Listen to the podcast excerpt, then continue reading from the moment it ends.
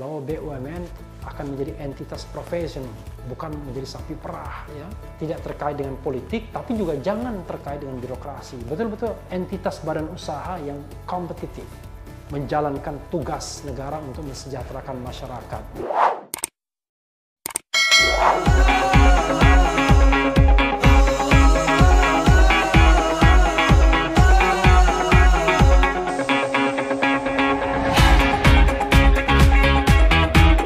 Assalamualaikum warahmatullahi wabarakatuh. Sobat RH sekalian Jumpa lagi dalam channel yang keren ini Keren cadas. Mumpung masih dalam suasana lebaran Idul Fitri Saya ingin mengucapkan selamat Hari Raya Idul Fitri 1 Sawal 1441 Hijriah. Mohon maaf lahir dan batin. Apa yang ingin kita ulas?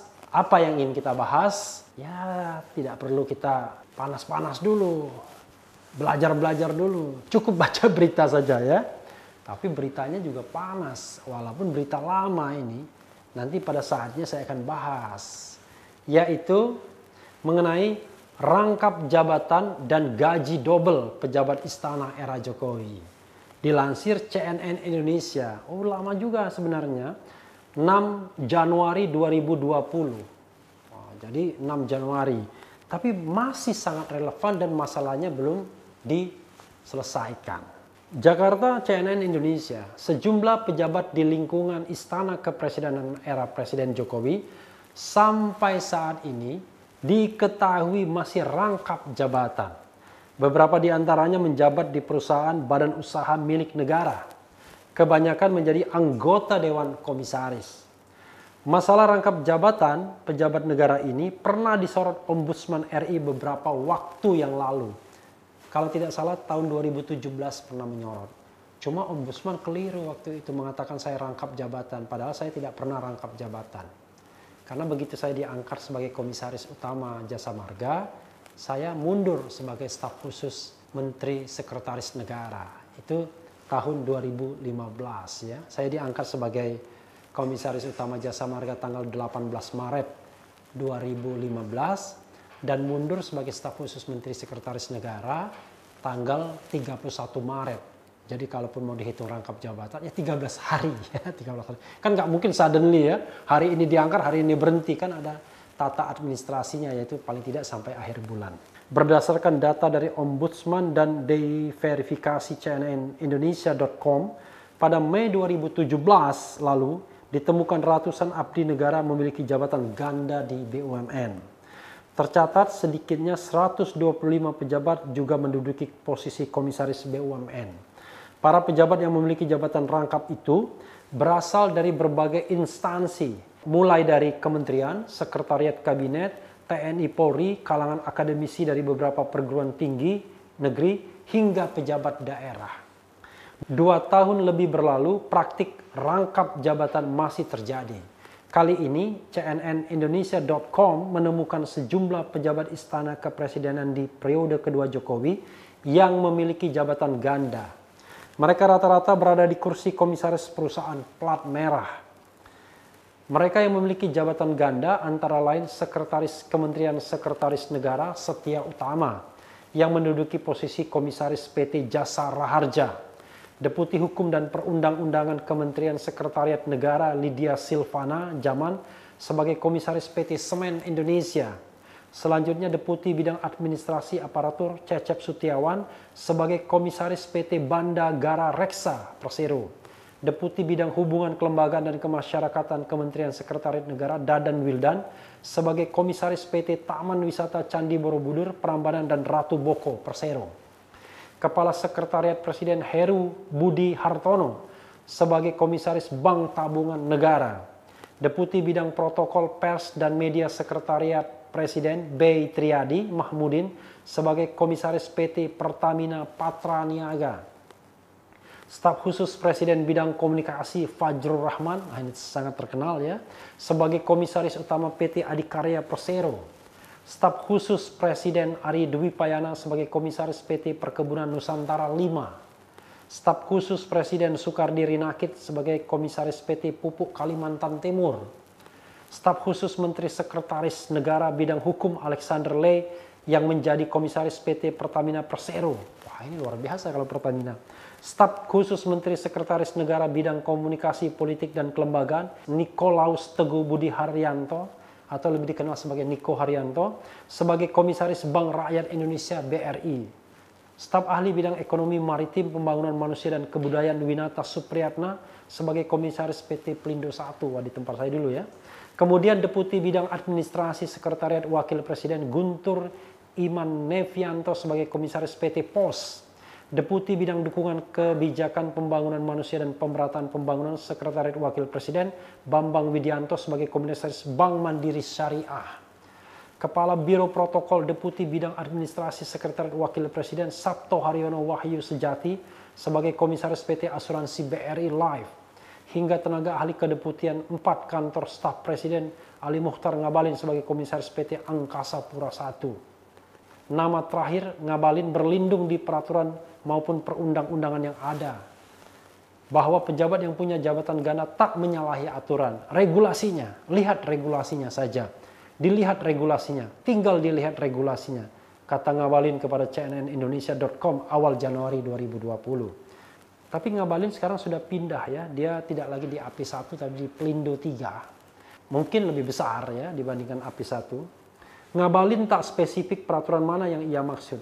Hanya saja berdasarkan Undang-Undang Nomor 25 Tahun 2009 tentang pelayanan publik melarang rangkap jabatan bagi pejabat struktural dan pejabat fungsional pemerintah. Pasal 17 Undang-Undang itu menyebut pelaksana pelayanan publik dilarang merangkap sebagai komisaris atau pengurus organisasi usaha bagi pelaksana yang berasal dari lingkungan instansi pemerintah, badan usaha milik negara, dan badan usaha milik daerah. Pelaksana pelayanan publik terdiri dari pejabat, pegawai, petugas, dan setiap orang yang bekerja di dalam organisasi penyelenggara yang bertugas melaksanakan tindakan atau serangkaian tindakan pelayanan publik. Ngabalin mengaku bisa membagi tugasnya sebagai tenaga ahli KSP dan komisaris di AP1. Lagi pula, kata politikus Golkar itu, komisaris tidak full time seperti jajaran direksi. Komisaris bukan eksekutif, bukan pelaksana. Jadi kalau kami tugasnya bisa sebulan dua kali, sebulan sekali, jadi normal saja tuturnya. Wah enak sekali, cuma sebulan sekali ya. Saya waktu jadi komisaris utama, tidak begitu, saya datangin semua cabang-cabang kantor perwakilan di tempat-tempat yang jauh ya. Gaji double. Pejabat yang memiliki jabatan ganda sudah barang tentu menerima gaji dari negara dua kali. Pertama gaji di instansi asal dan kedua gaji di perusahaan plat merah tempat mereka merangkap. Pada abdi istana yang menjadi komisaris BUMN itu sebagian besar adalah ASN atau setingkat ASN golongan 4E, 4D, 4C hingga 4A merujuk peraturan pemerintah nomor 15 tahun 2019 tentang perubahan ke-18 atas peraturan pemerintah nomor 7 tahun 1977 tentang peraturan gaji pegawai negeri sipil ASN golongan 4E sampai 4A mendapat gaji berbeda setiap bulannya. Untuk golongan 4A mereka mendapat gaji mulai dari 3 juta rupiah hingga 5 juta per orang. Golongan 4B dari 3,17 juta hingga 5,21 juta per orang dan golongan 4C 3,3 juta hingga 5,43 juta per orang. Sedangkan golongan 4D mulai dari 3,44 juta hingga 5,66 juta per orang. Serta golongan 4E dari 3,5 juta hingga 5,9 juta per orang. Itu baru gaji pokok per bulan. Di luar itu ada tunjangan kinerja dan fasilitas jabatan di instansi masing-masing.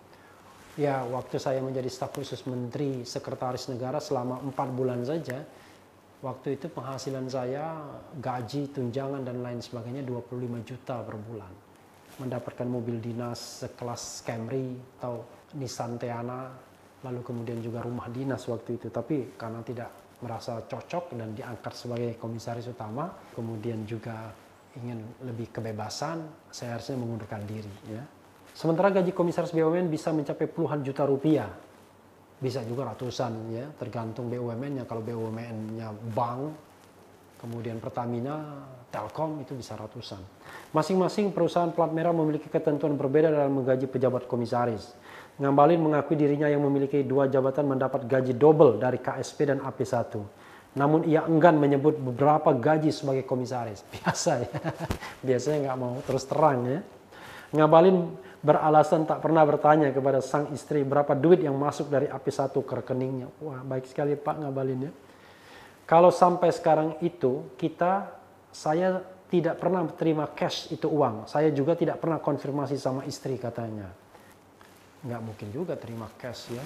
Wah, kalau cash ya justru dipermasalahkan tak beretika. Komisioner Ombudsman Alam Sasaragi mengatakan, pemerintah harus mengatur masalah rangkap jabatan pejabat karena bertentangan dengan azas-azas umum pemerintahan yang baik. Ya, good governance, clean government tentunya. Ia menyebutkan Ombudsman sudah pernah menyampaikan langkah awal yang perlu diambil pemerintah dalam masalah rangkap jabatan ini. Pertama, melakukan seleksi personil dengan objektif, terbuka dan transparan dalam penempatan di BUMN.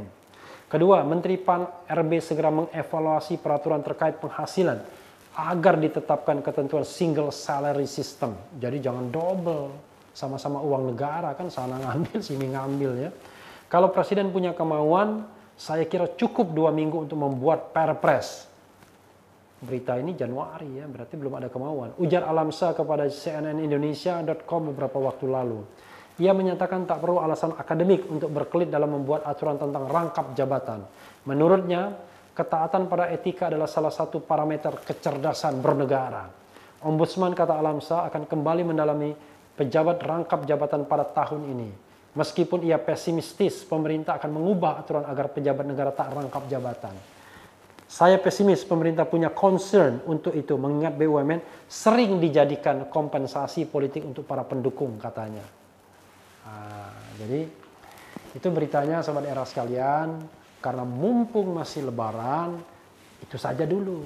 Nanti kita besok-besok kita bahas lebih dalam dalam perspektif hukum tata negara, dalam perspektif hukum administrasi negara, berapa sih gaji di BUMN tersebut ya. Biar halayak paham betul. Karena saya sendiri berharap bahwa BUMN akan menjadi entitas profesional, bukan menjadi sapi perah ya tidak terkait dengan politik, tapi juga jangan terkait dengan birokrasi. Betul-betul entitas badan usaha yang kompetitif, menjalankan tugas negara untuk mensejahterakan masyarakat dan menjadi alat bagi negara untuk merealisasikan amanat konstitusional kita, terutama keadilan sosial dan pasal 33, yaitu sistem perekonomian Indonesia. Itu saja Sobat Era untuk sementara. Nanti kita akan bahas lebih lanjut soal BUMN ini. Tapi jangan sekarang. Sekarang kan masih dalam suasana Idul Fitri. Baca berita dulu saja ya. Kita panaskan sedikit mesinnya. Tapi yang paling penting tetap di channel ini. Karena di channel ini Anda akan dirayu, ditipu, dibaperin, diuber, dicecar pula di jalur khusus. Karena channel ini adalah channel yang membenci, memeras, dan mengancam. Jangan lupa subscribe, like, comment, and share. Ciao.